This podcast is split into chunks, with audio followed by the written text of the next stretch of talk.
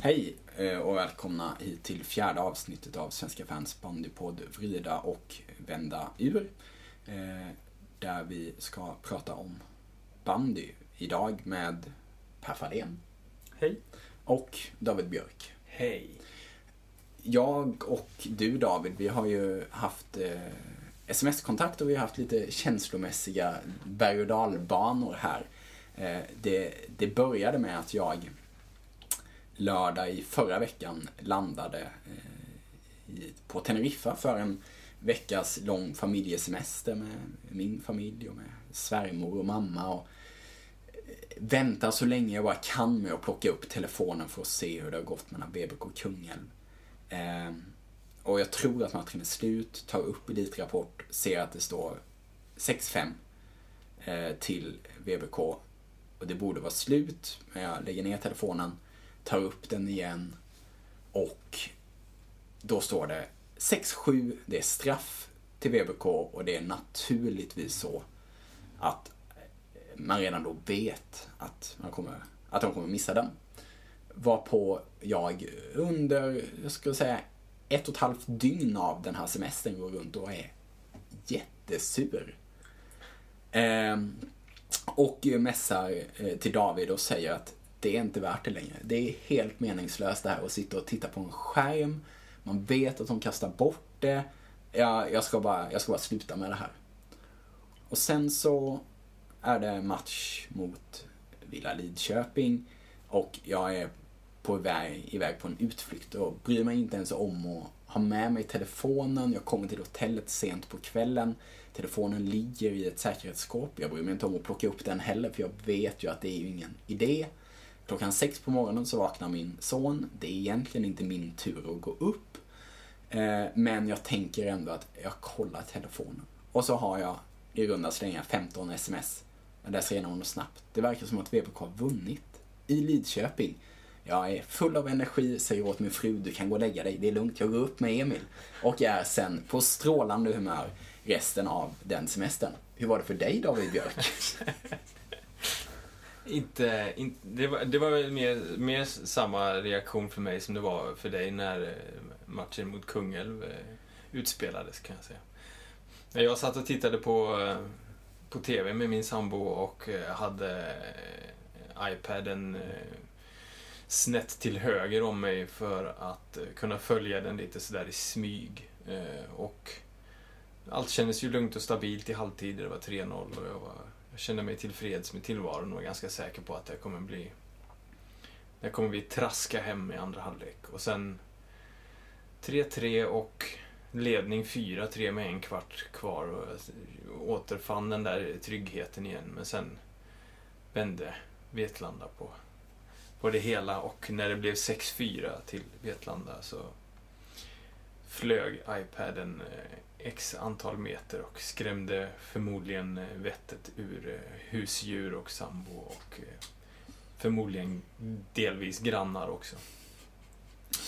Och min sambo vände sig om mot mig och undrade vad jag höll på med egentligen. Och skämdes som en hund. Ja, ni har inte bott ihop så länge. Nej, jag har inte det. Bra. Hon, hon hade i princip ingen aning om vad bandy var fram tills för ja, ett halvår sedan.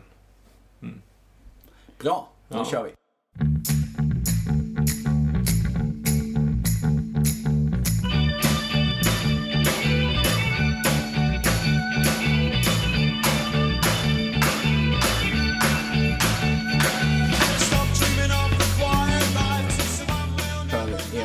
Eventuellt då har missat det så heter jag Daniel Engström Stensson. Jag håller på Vetlanda BK.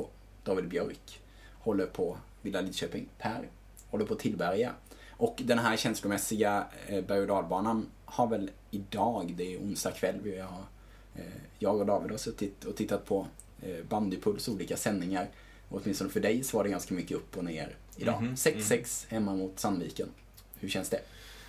Eh, ja, jag hade en, en diskussion med en kompis. Eh, han frågade mig, hade du tagit det på förhand? Och jag var lite oklar över det. Eh, men då frågade jag honom, hade du tagit det i halvtid? Och då sa han, i halvtid hade jag tagit cyanid. Eh, nej men 0-4 efter 20 minuter var ju... Eh, ja, jag, var, jag, jag ville ju gå hem. Eh, vilket jag också kommunicerade till dig. Eh, så... eh, men jag stannade kvar och ja.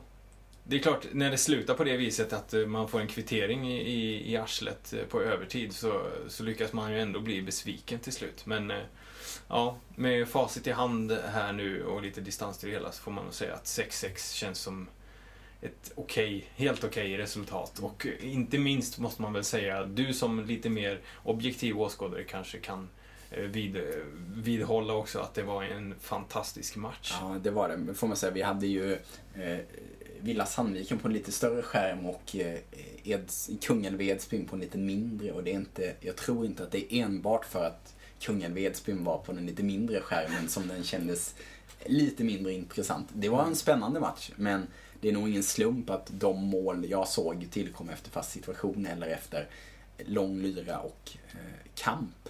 Mm. Eh, men det är ju fascinerande också att se hur en match kan svänga så som det har gjort då i både den matchen i Lidköping här nu men också då Villas, eh, Villas match eh, mot, mot Vetlanda. Det är som Mm. att två halvlekar som är så extremt olika. För i första Ja. halvlek idag så var ju Villa hade ju det där som man ser då ibland att det var inte en passning som var rätt egentligen. Alla Nej. passningar en halv meter bakom, ingenting händer. Nej, precis. Det gick på kryckor, sa Olle Tyrbo. I, Ja. Och det var väl hans eh, största insats hittills som kommentator. Eh, det var verkligen en träffsäker beskrivning. Ja. Eh, ja, som du sa, passningar som gick fel. Och de åkte, åkte åt fel håll, liksom. Alltså, ja, missförstod varandra hela tiden. Och, ja, eh, och eh, sen eh, i andra halvlek så var det ju i princip ett lag på banan bara fram till Ja. Fram till att Nilsson gjorde 6-6. Ja. Även om Mossberg Ja. gjorde 5-4.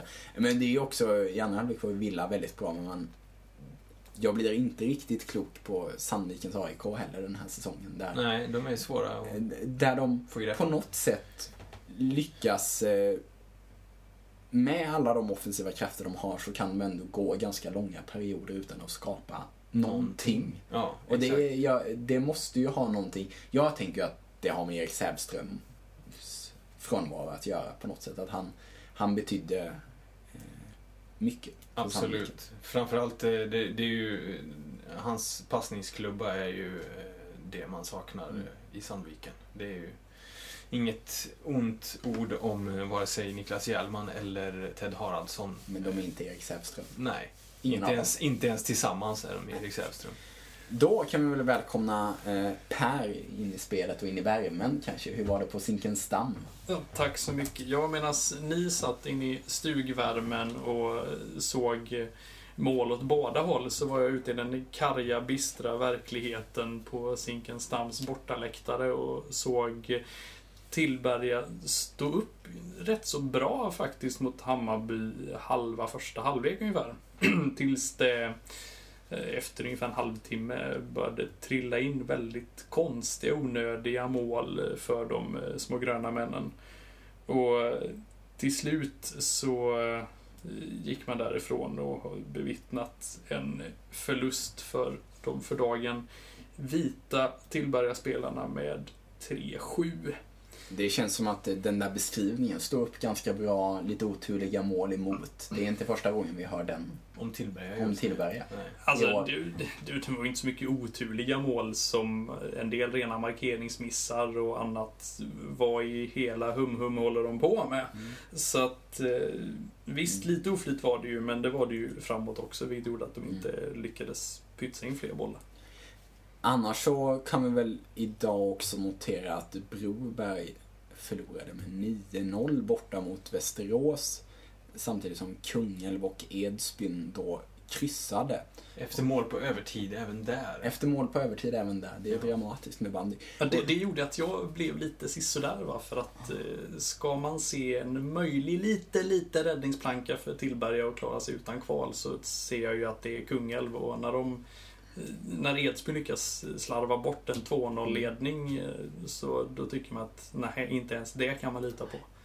Eh, Men då är väl frågan också, eh, Kungälv kanske ändå faktiskt mer tittar uppåt än neråt och, och från här som det brukar heta, gick slutspelståget idag?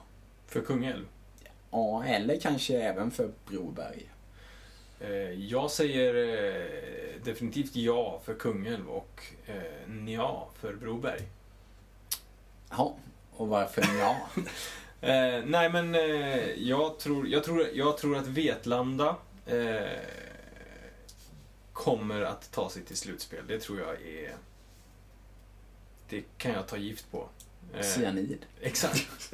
eh, och eh, jag tror att Vänersborg kommer att göra definitivt. Eh, däremot så är jag mer osäker på Edsbyn. Eh, och jag skulle inte bli förvånad nu. Vi har tre omgångar kvar innan VM-uppehållet och jag skulle inte bli förvånad om Broberg lyckas ta sig förbi Edsbyn innan VM-uppehållet, faktiskt. Eh, och Därför att eh, eh, Broberg har härnäst Sirius, Kalix och Kungälv. Ja, Och det är ju onekligen tre måste-matcher för, för Broberg. de måste ha sex poäng där. Ehm, och det tror jag att de kommer ta. Eh, Edsbyn å sin sida har Villa, Hammarby och Vetlanda. Eh, tar de två poäng på de tre matcherna så, så tror, tycker jag att det är bra gjort av dem. Mm. Mm. Vill du säga något om denna slutspelskamp? Jag tänker inte göra det för att jag är, jag är alldeles för nervös och eh, eh alldeles för negativ. Så jag tänker inte säga något om det här mer än att det går säkert illa. Nej, jag tänkte just det, ska man eh, lita på eh, den obotliga optimisten Daniel Engström Stensson med sin eh, Excel-uträkning här så är det ju ett gult lag som Broberg kommer att peta ner från slutspelsplatsen i så fall. Men nej, jag tror också att Vetlanda tar sig till slutspel faktiskt. Ehm, det kan nog bli... Eh, alltså, ska man titta på schemat så känns det nog som att Edsbyn har eh, högre berg att bestiga än vad Vetlanda har faktiskt. Sen har ju Edsbyn, eh, måste också tilläggas, en betydligt enklare avslutning än vad Broberg har. Efter VM-uppehållet då. Och det har ju naturligtvis en viss betydelse det också. Men ja. Ja, Jag, som sagt var, jag skulle inte bli förvånad om Broberg tar klivet förbi Edsbyn innan, eh, innan uppehållet. Och Eh, då skulle det ju det ge dig rätt i den här förutspåelsen tidigt på säsongen. Att Edsbyn kan missa slutspel. Ja, det kan ju vara så att jag är lite färgad av det Ja. och vill fortsätta Ja. att vidhålla Det just vore, det. det vore så att säga en fjäder i den björkska hatten om, om. Edsbyn missade slutspel och du förutsåg det tidigt. Exakt. Nog om detta. På lördag så ska Tillberga spela hemmamatch på riktigt. Man ska spela på naturis, man ska spela på Hubbovallen som alltså ligger i Tillberga. Granne med anstalten. Granne med anstalten. Eh, och då ska vi ska dit, både du och jag Per. Och då slänger jag ur frågan helt öppet. Vad tycker vi om det här Winter Classic? David som inte har någonting med matchen att göra. Eh, jag tycker att eh, en Winter Classic kan vara en... Det kan vara ett jättebra alternativ om man tvingas ut eh, från sin ordinarie hemmaplan. Även Villa hade ju en Winter Classic förra året. Mot Kalix. Förra, förra säsongen, ska jag säga. Mot Kalix. Men det berodde ju på att arenan var bokad. På grund av en hundmässa, tror jag det var. Se där Eh, Hunden är människans bästa vän. Ja. Det, kan, det där kan ha varit ett, ett ganska grovt faktafel insåg jag nu. Men det, men det var någonting i arenan i alla fall som gjorde att Villa inte fick spela där. Och då gjorde man en Winter Classic. Eh, och det tycker jag är helt i sin ordning. Eh, alltså då gör man ett, ett evenemang och man gör en grej av det när man inte har något val. Att däremot utan eh, att vara tvingad till det eh, frivilligt kliva ut på naturis. Eh, Du är tveksam. jag är tveksam. Jag tänker så här att om jag ska försöka se, lyfta blicken lite och tänka på bandysporten i, i stort och sådär så, så ser jag en nackdel med att det bidrar till den här ska man säga, exotiseringen av bandysporten. Att nu, nu ska man liksom dra klockan 50 år tillbaka i tiden och uppleva något som egentligen inte finns längre. Men samtidigt så inser jag ju att det är ju, det är väldigt, det är klart, det ger uppmärksamhet, det kommer ge mer folk på en tillbörjarmatch. Det kommer nu vad det verkar vara solsken, i och för sig ganska kallt, men solsken och vackert. Ehm, eh, och naturligtvis Tillberga får komma tillbaka till sina rötter. De, även om de nu då heter TB Västerås. Så man kommer tillbaka till sina rötter. Eh, så att jag, jag tror ändå att om jag skulle se neutralt på det så skulle jag nog ändå säga att eh, eh, fördelarna kanske överväger nackdelarna något. Men eftersom att de nu då möter eh, Vetlanda, ett Vetlanda som behöver poäng i den här slutspelskampen så kan jag inte låta bli att tycka att det känns lite på gränsen till osportsligt att man då byter bort eh, perfekta förhållanden inomhus till eh, eh naturis. Eh, en 10 meter kortare och 5 meter smalare plan, 15 minusgrader.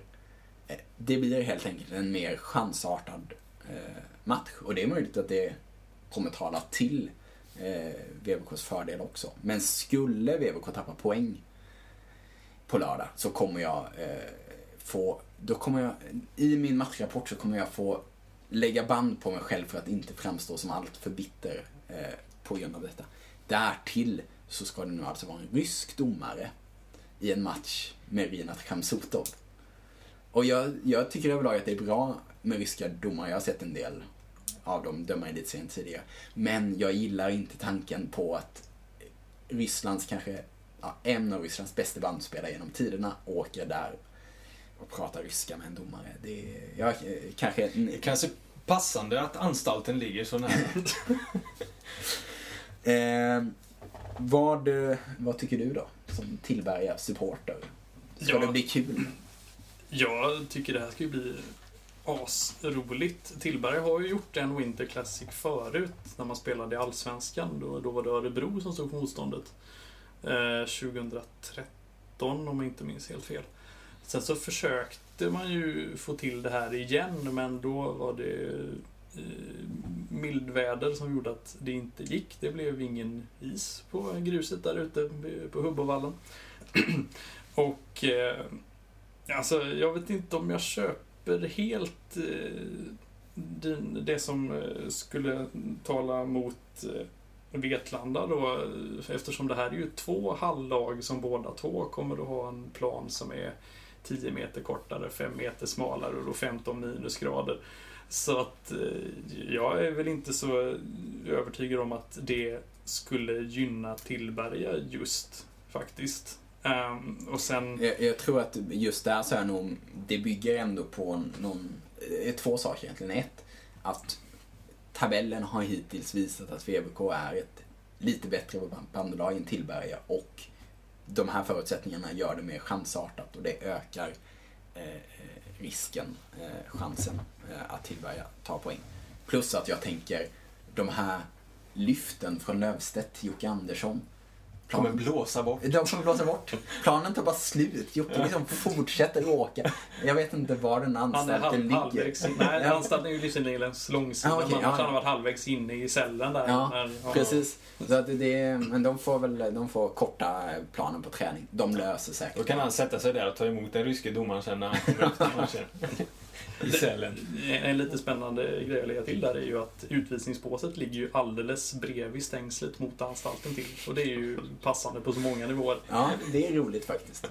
Det kommer kanske bli jättekul eh, det här, men jag är livrädd för matchen. Mm. Dessutom för att Tillberga ju, eh, känns det som, har snäppat upp lite och eh, är närmare att vinna matchen nu än vad man var jag, jag, tror faktiskt, om man ska vara helt ärlig, eh, så tror jag att om du ska vara rädd för det så ska du nog vara mer rädd för att det kommer vara 2000 Tillbergabor och vråla på de egna grabbarna än att matchen spelas just på en mindre plan. Ja. Kommer det bli så mycket folk tror du?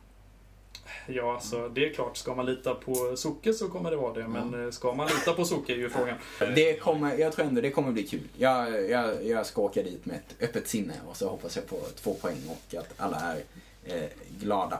Lämna konspirationsteorierna hemma och... Ja, Ja. ja verkligen. Ja. Ehm, Det har eh, tagits ut och kommer tas ut ytterligare några landslagstrupper. Det är egentligen alla pojklandslagen har tagits ut. 15, 17, 19, 21 och sen så då en 25-manna trupp för eh, herrlandslaget. Där det i den här 25-manna-truppen åtminstone finns med en hel del, mm, kanske inte rent nya namn, men ändå som känns lite nya. Där vi har eh, VSK-arna, Patrik Sjöström och Mikael Olsson som ju inte är, är sådär väldigt unga men, men som får chansen. Patrik Sjöström som ju för något år sedan eh, ville lägga av och meka med bilar och sådär. Så det, det är ju kul. Och sen så då de lite yngre, Martin Söderberg, Simon Jansson, Joakim Andersson, Emil Wiklund, Fagerström, eh, Jocke Svensk, eh, Dennis Henriksen. Är det några, några av de här kommer ju överleva in i, in i 18-mannatruppen. Är det, är det några av de här som ni tycker särskilt förtjänar att få vara med hela vägen in? Jocke Andersson och Simon Jansson eh, säger jag spontant. Ja, eh, jag har... eh, ef- Eftersom jag oftast ser snubbar som väl inte riktigt knackar på dörren till A-landslaget så har jag svårt att uttala mig riktigt faktiskt. Ehm, jag tycker att eh, det ska bli kul. Jag tycker Martin Söderberg imponerar ju också genom att göra så hiskligt med mål i ett, i ett Broberg som går ganska, ganska knackigt. Eh, sen är det väl lite då vad man, vad man är ute efter för, för spelartyp. Att bara göra mål räcker ju tydligen inte för då hade väl David Karlsson kanske fått vara med i en 25-mannatrupp i alla fall. Det är uppenbarligen något annat än bara målskytte som Sven Olsson söker. Eh, jag kan... Eh, ja, jag är väl också inne på Simon Jansson. Jag tycker väl Jocke Andersson. Eh, Och sen så blir det, jag känner eh, den här, den klassiska avvägningen. Det finns ju alltid den tråkiga uttagningen och den roliga uttagningen. Och, och här får man väl säga att Hasse Andersson som vi hade uppe för något avsnitt sen här när vi pratade om landslaget känns ju som en tråkig uttagning medan då kanske Emil Wiklund som ju kommer med mycket fart och sådär känns som en roligare uttagning. Men nu vet jag inte om man ska åka till eh, Janowsk för att ha roligt eller för att ha så stor chans att vinna som möjligt. Eh, vi får väl se, det är väl i nästa vecka eh, som, som den här truppen tas ut. På söndag så tas det även ut en trupp till dam-VM som eh, spelas i, i Minneapolis lite senare i mitten på februari. Och där har vi i alla fall eh, konkurrenssituation, inte minst bland målvakterna. Där man har mycket att välja på. Ja, verkligen. Eh, Det var ju ett läge tidigare under hösten då inte mindre än fyra målvakter var med i diskussionerna. Och så många är det vad jag har förstått eh, har aldrig varit med i diskussionen förut. Så, eh, men det, det kan man läsa mer om målvaktskamp i ett kommande nummer av bandyportföljen. Ja, just Skamlös det. Det plugg. var därför. Det var därför vi ville ta upp det. Ja, det blir kul. Där kan man läsa mycket annat också. Men eh, det kommer man säkert prata om i, i en annan podd. Eventuellt. Eh, I veckan så, eller förra veckan, så gjorde Daniel Andersson sånär årtusendets mål. Sades det. Vad var det han försökte med egentligen? För de som inte har sett det. Eh, ja, han... Eh, han svingade ett, eh, ett eh, regelrätt baseballslag på en flipp. Ungefär vid straffområdeslinjen. Eh, I vänster eh, läge. Med, men han hade ryggen mot eh, kortsidan och drog till eh, från fel håll så att säga. Eh, med en backhand alltså. Eh, direkt på tennis. Och bollen träffar ribban. Ja, via Kevin Sterners händer tror jag. Det är ju typiskt målvakter att vara där och sabba snygga mål. Ja. Det var alltså årtusendets räddning helt enkelt. Ja, eh, det kan det mycket väl ha varit faktiskt. Eller så var det bara århundra, årtusendets sabotage. Ja, så det, det skulle jag kalla det. Sam. Samtidigt kan man säga så här att eh, ribban eh, förstör årtusendets räddning. Därför att det blir, tar man hjälp av ribban då tycker jag inte att man... Eh, Då är det ingen riktig då är det ingen riktig räddning. Det är hårt. Ja. V- vad är det annars som, vad var det i det som hade gjort det? För du tycker, du håller med om det att det skulle vara å- årtusendets mål. Ja. Vad är det i det som gör att det skulle varit så snyggt? Ja, men jag tycker ju att ett snyggt mål ska innehålla någon form av teknisk briljans och att slå till en bandyboll eh, på tennis överhuvudtaget eh, är, ganska svårt. nej.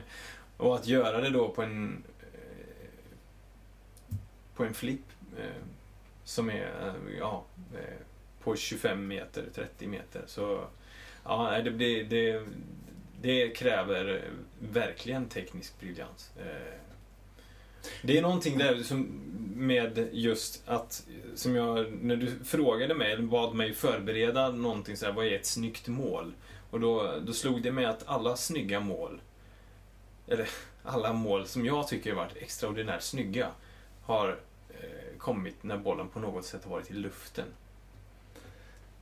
Per, vad är ett snyggt mål? Alltså, kollar man på typ fotbollsgalan eller sådär så verkar de som väljer ut där tycka att snygga mål det rökar upp i krysset från 25 meter. Men jag vet inte om ett bandymål som går... Det är, det inte det är samma inte sak. samma sak. Nej, Nej. precis. Alltså, jag, jag håller med om någon sorts eh, tekniskt... Vad i hela friden gjorde han där? Ja. Så. Eh, Men sen så är det ju, det är ju alltid skönt när man ser en snubbe, särskilt då i ens eget lag, som åker igenom hela motståndarlaget i princip och sen så fupplar in den bakom en eh, förvirrad målvakt. Mm. Alltså, men eh, det är, ju, det är ju snyggt på olika sätt, men det är ju delikatesser båda två. Ja. Och det är ju två typer av mål som ju känns ganska typiska just för bandyn. Att både det här att ta bollen på egen planhalva, egentligen göra bort tio spelare och Mm. lägga in den, det gör du inte i någon annan sport. Nej. Och det här, det, det, det är annorlunda att slå in en boll på tennis jämfört med att nicka in en boll. Och i, i liksom hockey så slår du in den på tennis där så är det ju bara för att den har studsat upp och du står och trängs med fyra andra och lyckas få, Ja. få klubban på pucken. Liksom, i, I bandy så är det ju eh, delvis kanske lite enk- det är enklare att behandla en boll i luften än en puck. Men, eh, men eh, jag håller med, det är ju jag håller också med om att de här långskotten, de, de kan ju vara väldigt snygga om man blir så här, när de händer. För att de är så oerhört hårda. Men även om det inte är tur så känns det ändå som att så här, ja, men, en drömträff kan, kan man få. Eh, men de där tennismålen gör ju inte vem som helst. Och då är man ju tillbaka där i, i Johan Esplunds eh, mål mot Vetlanda Mm. tidigare där han lyfter bollen över, över eh, försvaret och sen så istället för att liksom bara ta ner den på isen och, och slå in den i friläge så fortsätter han och jonglera in bollen och det är ju snyggt också för att det, liksom, det finns en sån uppenbar eh, eh, eh, liksom del av artisteri i det. Att han skulle kunna lagt ner bollen och gjort det enkla. Mm. Men i hans huvud så är det, men det är lika bra att bara fortsätta och slå in den på tennis. Exakt, och det, vi, vi var i en sån situation idag också. Där han eh, i, Ja. mitt på egen planhalva vid ställningen 0-4 i första halvlek. När ingenting i spelet fungerar. Eh, väljer att eh, göra bort eh, tre Sandviken-spelare genom att eh, jonglera upp bollen och eh, åka rakt emellan dem. Liksom. Det- Eh, men jag tror inte att det, för honom är det ju inte det enkla att släppa ner bollen. Jag tror för honom är det bara en praktisk lösning på ett problem. Eh, Ja. han, han kan lika gärna spela med bollen i luften som efter isen. Jag tror inte han bryr sig nämnvärt. Det, det är lite som, kanske långsökt, men jag kommer ihåg när Anders Svensson, fotbollsspelaren, hoppade in mot, mot, eh, mot England i VM 2004. Och så, eh, så kom eh, journalisten och frågade efteråt hur så ja, du kom in och försökte spela lite enkelt i början. Varpå Anders Svensson sa, alltså jag började med att klacka bollen. Och, 2002 var det. 2002, Ja. förlåt, sa jag 2006? Du sa 2004 sa du till och med. Alltså. Åh, det är nästan omtag. Nej, men jag tycker att gör man sådana misstag så ska man få skämmas ordentligt. Ehm, ehm, nej, och, men sen så, sen så finns ju också... Det, mål blir ju också på något sätt snyggare när det är storstjärnor med artisteri som, som gör dem. För då vet man också att ja, men det fanns en tanke bakom det där. Mm. Liksom, turelementet känns som att det är mindre när Johan Esplund gör ett sånt där snyggt mål. Det är inte lika mycket blunda och klippa till. Nej, precis. Nej. Ehm, ja, jag tror att vi har klick, klockat in på 30 minuter. Det är ungefär det vi ska göra. Eh, ni som har varit med förut vet ju att det ofta har varit eh, spelarintervjuer. Men eh, det har inte gått att eh, ro i land den här gången bland annat på grund av den här resan som jag nämnde. Men förhoppningen är att eh, det till helgen kommer komma ett, eh, ett avsnitt, vad ska vi kalla det, fyra bis kanske, där eh, det kommer en spelarintervju. Så att eh, håll utkik så kommer den och sen så är vi tillbaka med ett vanligt avsnitt om eh, två veckor ungefär om det inte är någon annan som har något väldigt viktigt att säga. Du, du, du har inga såna här kuriosa eh, grejer kvar längre? Det finns inte med på, på körschemat? Nej, det borde det ha gjort naturligtvis. Ehm, Jag kan istället berätta om Sami Lakonens snyggaste tennismål. Som var, jag tror att det kan ha varit säsongen då de trillade ur. Eh, då ju Sami Lakonen i stort sett var den enda som höll elitserieklass. Eh, och där han i en match där de ligger under med fem sex bollar. Eh, mot slutet av matchen så kommer det en sån här förlupen boll bort mot, det var på just målet bort mot Västerleden. Förlupen boll och där Sami Lakonen som sprintar iväg allt vad han kan, sen så slänger sig i luften. Och som jag minns det så var det egentligen, tänk van Bastens volleymål 88. Fast lite närmare, han var innanför straffområdeslinjen, men nere vid kortlinjen. Liggandes raklång i luften, sopar till den och den sitter i bortre burgaveln. Det innebar ungefär, ska vi säga, 2-7 kanske i den matchen. Men det var oerhört snyggt. Ja. Det är på gränsen till kuriosa. Ja. Ja men det, jo, det, det, tycker jag är kuriosa deluxe. Ja. Bra, Ja. då avslutar vi med det. Ja. Tack och hej.